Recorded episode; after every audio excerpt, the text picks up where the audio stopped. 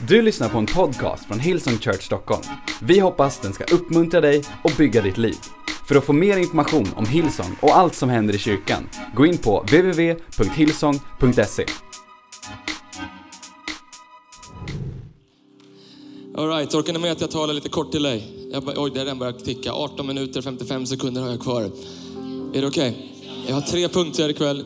Ett enkelt budskap, eh, som du vet, men som du vet har potential att förvandla ditt liv. Jag har en, en kristen rubrik och sen så har jag en kort rubrik. Du ska få den, den kristna rubriken först. Gud använder inte dig och mig trots våra misstag, utan på grund av våra misstag. Jag säger det en gång till för någon behöver höra det. Gud använder inte dig och mig och våran story trots våra misstag, utan på grund av våra misstag.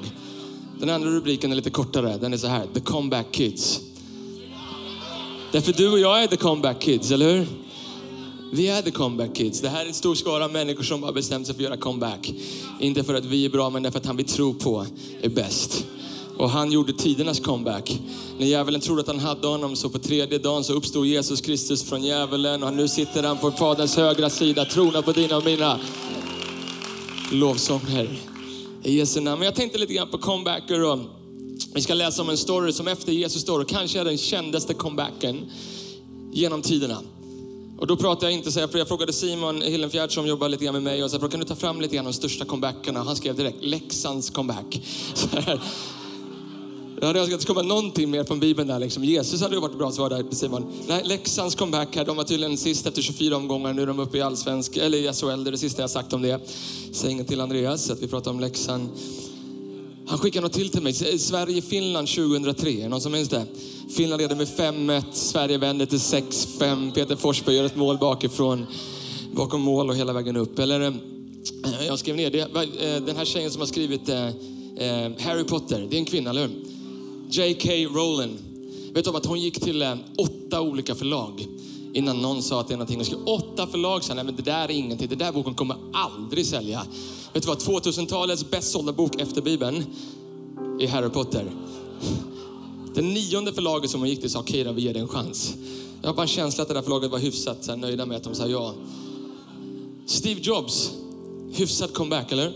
Fick sparken från Apple slutet på 80-talet. Så det här funkar inte. Du har kört det här företaget i botten. Det är ingen som vill ha en sån här ful, tjock Macintosh-dator.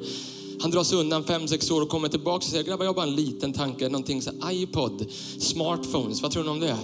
Och så kommer han tillbaka och hela vårt sätt att leva är helt format av Jesus och Steve Jobs. Men så finns det en comeback story som jag i alla fall tycker är fetare än alla de andra. Och det, det är storyn om Petrus. Du vet, det finns en story, ja nu pratar jag om Petrus i Bibeln. Flera youth tror att jag pratar om. Ja, men jag gillar Petrus alltså. Comeback på Petrus, Young and Free Night nästa fredag, absolut. Men nu pratar jag om den riktiga Petrus. Är det okej okay, eller Petrus? Vi tar några sekunder och snackar om den riktiga Petrus. Häng med mig till Markus kapitel 14. Markus kapitel 14.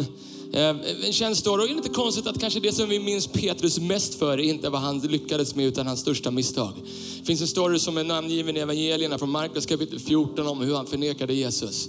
Du vet, han, det kunde stå, vi kunde komma ihåg honom för så mycket mer. Att han var en av de första, om inte den första lärjungen. Att han var absolut den första, det vet vi som stod upp och predikade efter att Jesus hade lämnat jorden. Att han gick på vattnet. Att han har några böcker i den här bibeln med. Det är ganska bra presterat, eller hur? För med den här. Bättre än J.K. Rowling, eller vad hette som hade skrivit Harry Potter. Men trots det så är det hans misstag som du och jag minns.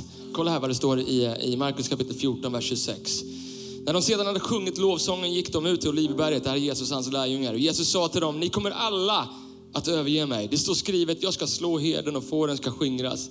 Men när jag har uppstått ska jag gå före er till Galileen. Då sa Petrus till honom, lyssna, även om alla andra överger dig så ska jag inte göra det. Jesus svarade, jag säger det sannerligen, just denna natt innan tuppen gal två gånger kommer du tre gånger att förneka mig. Men Petrus försäkrade ännu ivrigare, även om jag måste dö med dig Jesus så kommer jag aldrig att förneka dig.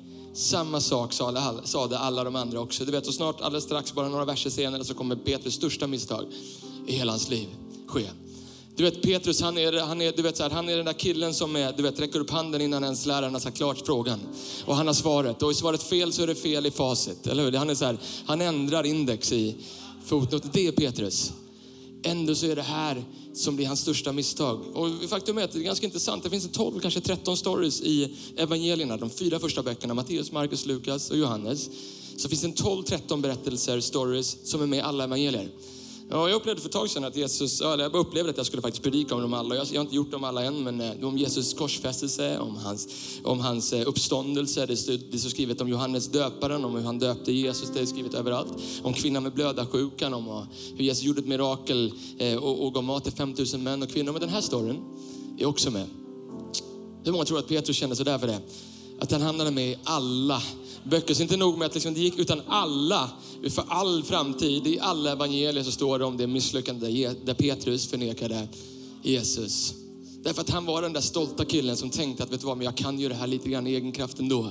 Han var den här killen som inte ens, ibland kanske till och med tryckte bakom sig människor, andra människor och sa, vet du vad, Jesus, de andra stollarna här runt omkring dig, det är möjligt att de kommer förneka dig. Men, men, men ja, jag lovar dig, jag försäkrar dig två gånger, om jag så ska gå ner i döden med dig, så kommer jag aldrig förneka dig. Han, let, han litade på sitt eget självförtroende. Kolla, punkt ett. Lita på Guds förtroende, inte ditt eget självförtroende. Lita på Guds förtroende, inte ditt eget självförtroende. Vet, har du någonsin gjort ett statement som du inte har kunnat hålla? Är det någon som har gjort det? Du säger, jag ska aldrig synda mer om jag bara får den här tjejen. Var det bara jag när jag var 15? Man bara, aldrig tänka en dålig tanke. Om jag får den här tjejen Jesus. Eller du säger, Gud jag ska aldrig, jag ska aldrig lämna dig. Eller du vet, jag ska, nu är jag all in på dig Jesus. Nu är det du och jag för alltid. Och så går tiden och så bara driftar man bort. Petrus var den där killen som bestämde sig för att bara gå före. Och liksom applicera stolthet på sitt liv. Men du vet vad Bibeln säger om stolthet? Lyssna vad eh, Ordspråksboken säger. Stolthet går före undergång och högmod går före fall.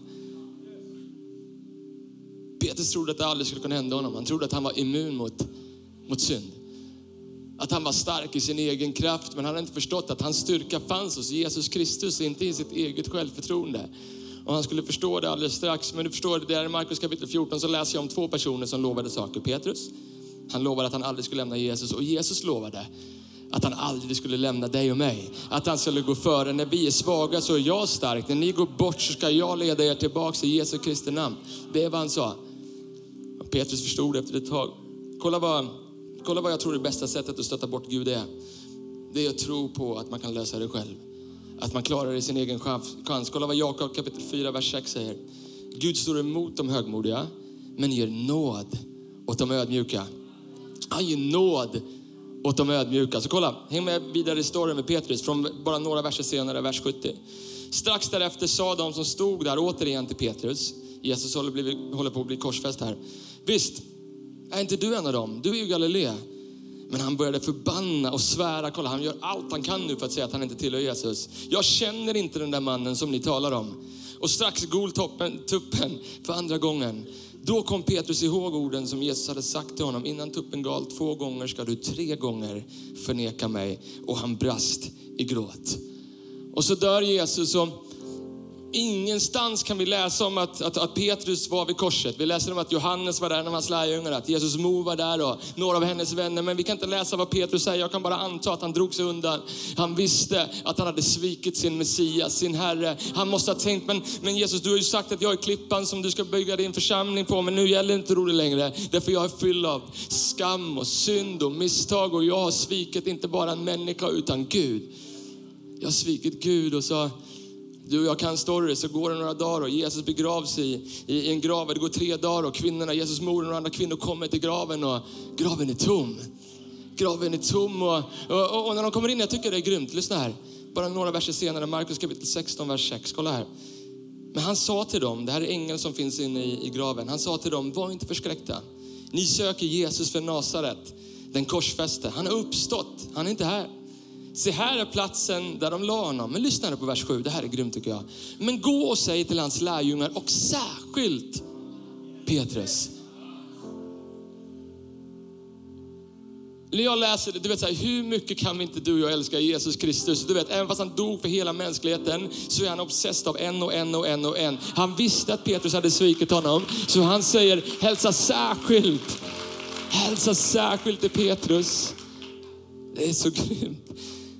Han går före er till Galileen. Där ska ni få se honom så som han har sagt till er. Vet du vad jag tror att Petrus inte förstod? Att Jesus, allt han ville var att bara förlåta honom. Punkt nummer två, lev i förlåtelse. Lev i förlåtelse. Du förstår Petrus, han var där, han var inte ens där vid graven. Det står att de gick vidare, du får bara lita på mig. Du kan läsa om det alla med när du kommer hem. Det står att de eh, gick tillbaks kvinnorna, träffade lärjungarna. Det står att Johannes och Petrus, de sprang först då. Johannes, han var liksom, han hade bara lite bättre form. Han kom tidigare dit. Petrus var liksom much talk, no verkstad liksom. Han, var, han kom inte dit i tid, men så var Johannes där, men han vågade inte gå in. Men när Petrus kom dit så bara sprang han rakt förbi Johannes, rakt in och han såg att graven var tom. Men det var som att Petrus fortfarande inte kunde tro att, är det, det är sant? Jesus måste ju tycka att jag är sämst för att jag har förnekat honom. Jag som stod upp inför de alla andra. Jag är den som alltid är liksom störst i munnen. Och så går det vidare, så står det att han är, om du läser Johannes kapitel 21, så står det att Petrus gick och fiskade. Han, han, han sa till de andra lärjungarna, jag går och fiskar.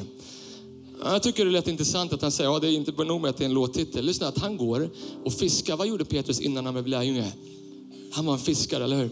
När du och jag har synd och skam i, vår, skam i vårt liv så är det som att allt i vårt liv vill att vi ska dras tillbaks dit vi var innan till vårt past. Det här, jag tror att det här är till någon. Du vet så här, du har mött Jesus i ditt liv men så säger du Jesus ska aldrig mer synda. Jag ska klara det i min egen kraft nu. Jag ska bara leva hundra bra dagar i rad. Och så gör du den där synden och så är det som att allt i dig bara dras tillbaks till det där livet du levde innan. Till den där tjejen du dejtade innan du blev kristen. Eller till de där sidorna som du var inne på förr i tiden. Eller du vet så här, allting i dig. Bara vill dra tillbaka det du gjorde tidigare. Petrus han gick och fiskade. Han gick tillbaka till sitt past. Men så står det i vers 4, Johannes kapitel 21, vers 4, så står det att helt plötsligt stod Jesus där på stranden. Och de såg inte först Jesus, de såg inte vad han. Men jag älskar Jesus, hans första ord är, mina barn, har ni inget att äta? Han tänker på dig och mig, vår omsorg. Han säger, har ni ingenting att äta? Och det står, och så säger han, lägg ut näten på andra sidan båten, på högra sidan. Och lägger ut näten och näten blir helt fulla av fisk. Och helt plötsligt så ser de, det där är Jesus som står vid stranden. Och Johannes säger till Petrus, Petrus, det är Herren, det är Messias som står där vid stranden. Det står att de är hundra meter bort från stranden. Det står att Petrus, han kan inte ens vänta på att båten ska komma in i land. Det står att han hoppar i vattnet, att han bara så här, kravlar sig fram, krålar fram, jag vet inte, bröstsim, ryggsim, you name it för att komma först fram till Jesus Kristus. Och så är det någonting som sker i Petrus liv där han blev upprättad av Jesus. Vet du du och jag blev upprättade från Jesus? Det är när vi lever i förlåtelse. Hur lever vi i förlåtelse? Vi bekänner Jesus Kristus över våra liv. Amen. För kolla vad Petrus gör. Petrus säger från vers, från, från vers 15, Johannes 21. När de hade ätit sa Jesus till Simon Petrus, Simon Johannes son, älskar du mig mer än alla andra? Han svarade, ja Herre. Du vet att jag har dig kär. Och så upprepar han den frågan tre gånger. Och gång på gång på gång så får Petrus svara, ja Jesus, jag har dig kär. Och det är som att varenda gång Petrus svarar så är det som att han upprättas, som att han blir hel igen, som att han förstår att jag är svag när jag är stark. Lyssna, att Gud kommer inte använda mig på grund eller trots mina misstag, utan han kommer använda mig eftersom jag har misstag i mitt liv. Och Petrus blev förlåten. Och punkt nummer tre, Gud vill använda din story för sin glory. Gud använder Petrus story för sin glory. Han vill använda din och min story till sin glory. För att han ska bli upphöjd, för att han ska bli ärad. Kolla vad Lukas kapitel 22, vers 31 säger, sista bibelordet idag. Det här är precis innan Jesus, eller Petrus förnekar Jesus. Han säger Simon, Simon, Satan har begärt att få pröva dig och sålla dig som vete. Men jag har bett för dig, det är Jesus som säger det här. Jag har bett för dig att din tro inte ska bli slagen i spillror. Därför, när du har ångrat dig och vänt om till mig igen, styrk då och bygg upp dina bröders tro. Alltså det han säger är Petrus, när du har vänt om till mig igen, när jag har förlåtit dig, när jag har upprättat dig igen, styrk då dina bröders tro. Alltså, och det är som att Petrus förstår helt plötsligt, vet du vad? Mitt test ska få bli ett testimony. Mitt mess ska få bli ett message för någon annan. Det jag har gått igenom i Jesu namn ska bli någonting som ärar ditt namn Jesus. Det är som att han går upp på torget, Apostlagärningarna kapitel 2 och det första han säger, vet du vad? Jag har en story också. Men den Jesus som ni har låtit korsfästas står det i vers 36, har Herren gjort det Messias överallt och det står att det högg till i deras hjärtan. Du förstår, helt plötsligt kunde inte Petrus tiga mer. Om han teg förut, så nu kunde han inte tiga en sekund till. I Apostlagärningarna kapitel 4, det står att han blev fängslad inför det stora rådet, han och Johannes. Och det är samma män som fick Jesus korsfäst och han säger, döm ni om det är rätt att lyda människor eller, om det är rätt att lyda Gud. Vi för vår del kan inte tiga om vad vi har sett, om vad vi har hört. Det var som att Petrus aldrig mer kunde tiga om han hade sett vad han hade hört. Gud vill använda din och min story till sin glory. Och jag har tänkt på det så många gånger de sista veckorna när vi tittar på de här testimony-videorna. Kolla på Johannes som eh, tog emot Jesus i vår kyrka och bara på några veckor på vårt Facebook så har nästan 50 000 människor sett en film om Johannes och hans testimony. Nästan 300 delningar. På, jag pratade med Cass som är, som är vår creative pastor och, och mässar med veckan och så har jag precis pratat med de som startar Hillsong Channel och vi skulle vilja spela Johannes testimony för alla på Hillsong Channel. Det är 160 miljoner hushåll bara i USA som får en chans att höra om vad Gud gjorde i Johannes liv. Jag tänkte på den här storyn om Nicky som var här om veckan också. Jag hörde en story, det kom in ett mejl i veckan om någon tjej som hade sett Nickys story. Om hon hade blivit frälst här i vår kyrka, i Sankta Clara kyrka på långfredagen. Hon såg det på internet och kom hit till kyrkan förra söndagen och valde att ta emot Jesus i sitt liv. Amen. Varför? Därför Jesus vill använda din och min story till sin glory. Amen. Men ibland så tror jag att vi precis i kyrkan så hamnar vi precis som den här världen när man tänker, men ska han spela trummor? Eller ska han få spela gitarr? Ja, nu kan jag tycka det ibland också. Nej, jag skojar. Ska hon hålla den där kickoffen? Men liksom, vem vet, har du sett hennes past? Och så är det som att vi börjar döma själva kyrkan också, som att det blir regel, som att vi börjar spela spel om att den som är mest heliga får hålla en mick. Och så glömmer vi bort att det enda som gör oss heliga är vad Jesus Kristus gjorde på ett kors för 2000 år sedan. För dig och mig. Amen. Och ibland jag tänkte på det, jag vet inte om du är där med dig, men jag, jag gillar sådana slasklådor. Vet du vad jag menar när man kommer hem? Man har liksom en låda. Min fru avskyr sådana lådor.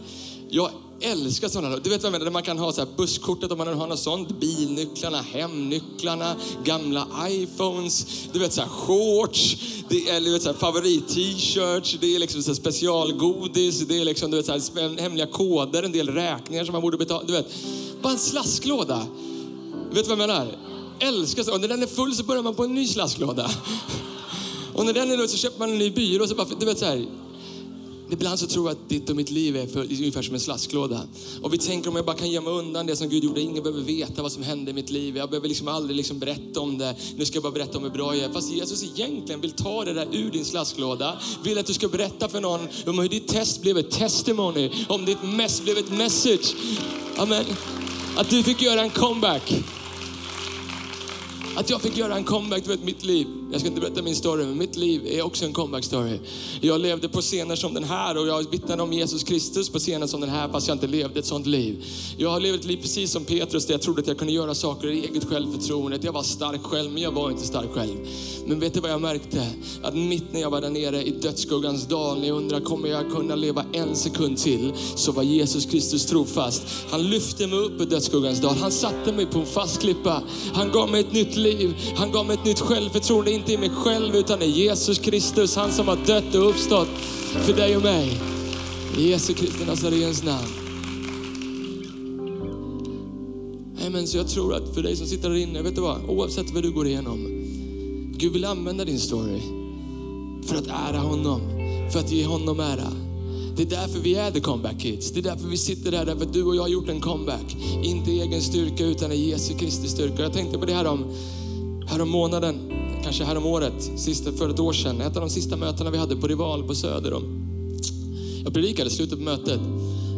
Jag säger inte absolut inte för min ära, utan jag vill bara berätta vilken power det finns i testimony. Jag gick upp och jag pratade om hur min fru och jag hade gått igenom en tuff season. Därför vi hade fått ett missfall och vi hade drömt Gud om att få ett andra barn. Och, och vi var så glada och helt plötsligt så fick vi beskedet att barnet i min frus mage var dött. Och jag, var, jag, vet, jag, vet, jag var så arg på Gud. Jag var, så, jag var galen på Gud. Jag minns jag satte mig i bilen och åkte långt bort och jag skrev på Gud och sa, varför Gud? Jag har ju byggt ditt hus. Stämmer inte Matteus kapitel 6, vers 33 liksom att den som först söker ditt rike och din rättfärdighet ska få allt det andra också det här stämmer inte. Jag började liksom argumentera med Guds ord mot Gud. Och, men så var det som att Gud bara tog mig på en resa de där närmsta veckorna. Och jag förstod för vecka för vecka för vecka och dag för dag för dag att i min svaghet så är jag stark. Jag förstod att jag hade levt i en season där liksom pressen, kanske mest på mig själv, från mig själv, höll på att liksom äta upp mig själv. Du vet, man måste predika lite bättre, man måste säga någonting bättre, man måste skriva lite bättre sånger, måste leva lite bättre, måste uppdatera lite bättre på Instagram eller you name it och det höll på att äta upp mig själv. Men det var som att jag fick resetta igen, som att jag förstod att när jag är svag är jag stark. Amen. Att kraften fullkomnas min svaghet. Och jag delade det där på Rival och men direkt när jag kommer ner från scenen så kommer det fram en man som är med i vår kyrka. Han kommer fram, han har med sig sin sambo. Hon är helt, svart, alltså hon är helt svart i ögonen. Hon har stått och, man ser att hon har liksom inte gråtit en tår. Utan all mascara, allt smink är borta. Hon är bara helt förstörd. Hon kommer fram och säger Erik, du förstår inte men i morse i morse så vaknade vi gladare än någonsin för vi visste att nu var det en vecka kvar. Nu var det en vecka mindre kvar tills vi skulle bli föräldrar. Vi fick reda för ett par, tre månader sedan att vi skulle bli föräldrar. Vi har varit så glada, vi har varit så tacksamma. Första barnet, vi har bett till Gud och vi har trott Gud om ett mirakel och vi har varit så glada. Men sen i morse i förmiddags efter frukosten så fick min fru ont i magen och åkte in till sjukhuset. Och det visade sig att barnet i min frus mage var dött och vi visste inte vad vi skulle göra. True story. Så de åker in till kyrkan och säger vi måste åka in till kyrkan i alla fall. Och vi kommer in i din predikan och du predikar om om att när du är svag så är du stark. Du predikar om Guds trofasthet när du går igenom dödsskuggans dal och vi tror att det var ett ord just till oss. Det är kraften mina vänner. I ett testimony. I ett testimony. Kom on, ska vi stå upp? Du har lyssnat till en podcast från Hillsong Church Stockholm. Om du vill veta mer om vår kyrka eller om våra söndagsmöten, surfa in på www.hillsong.se.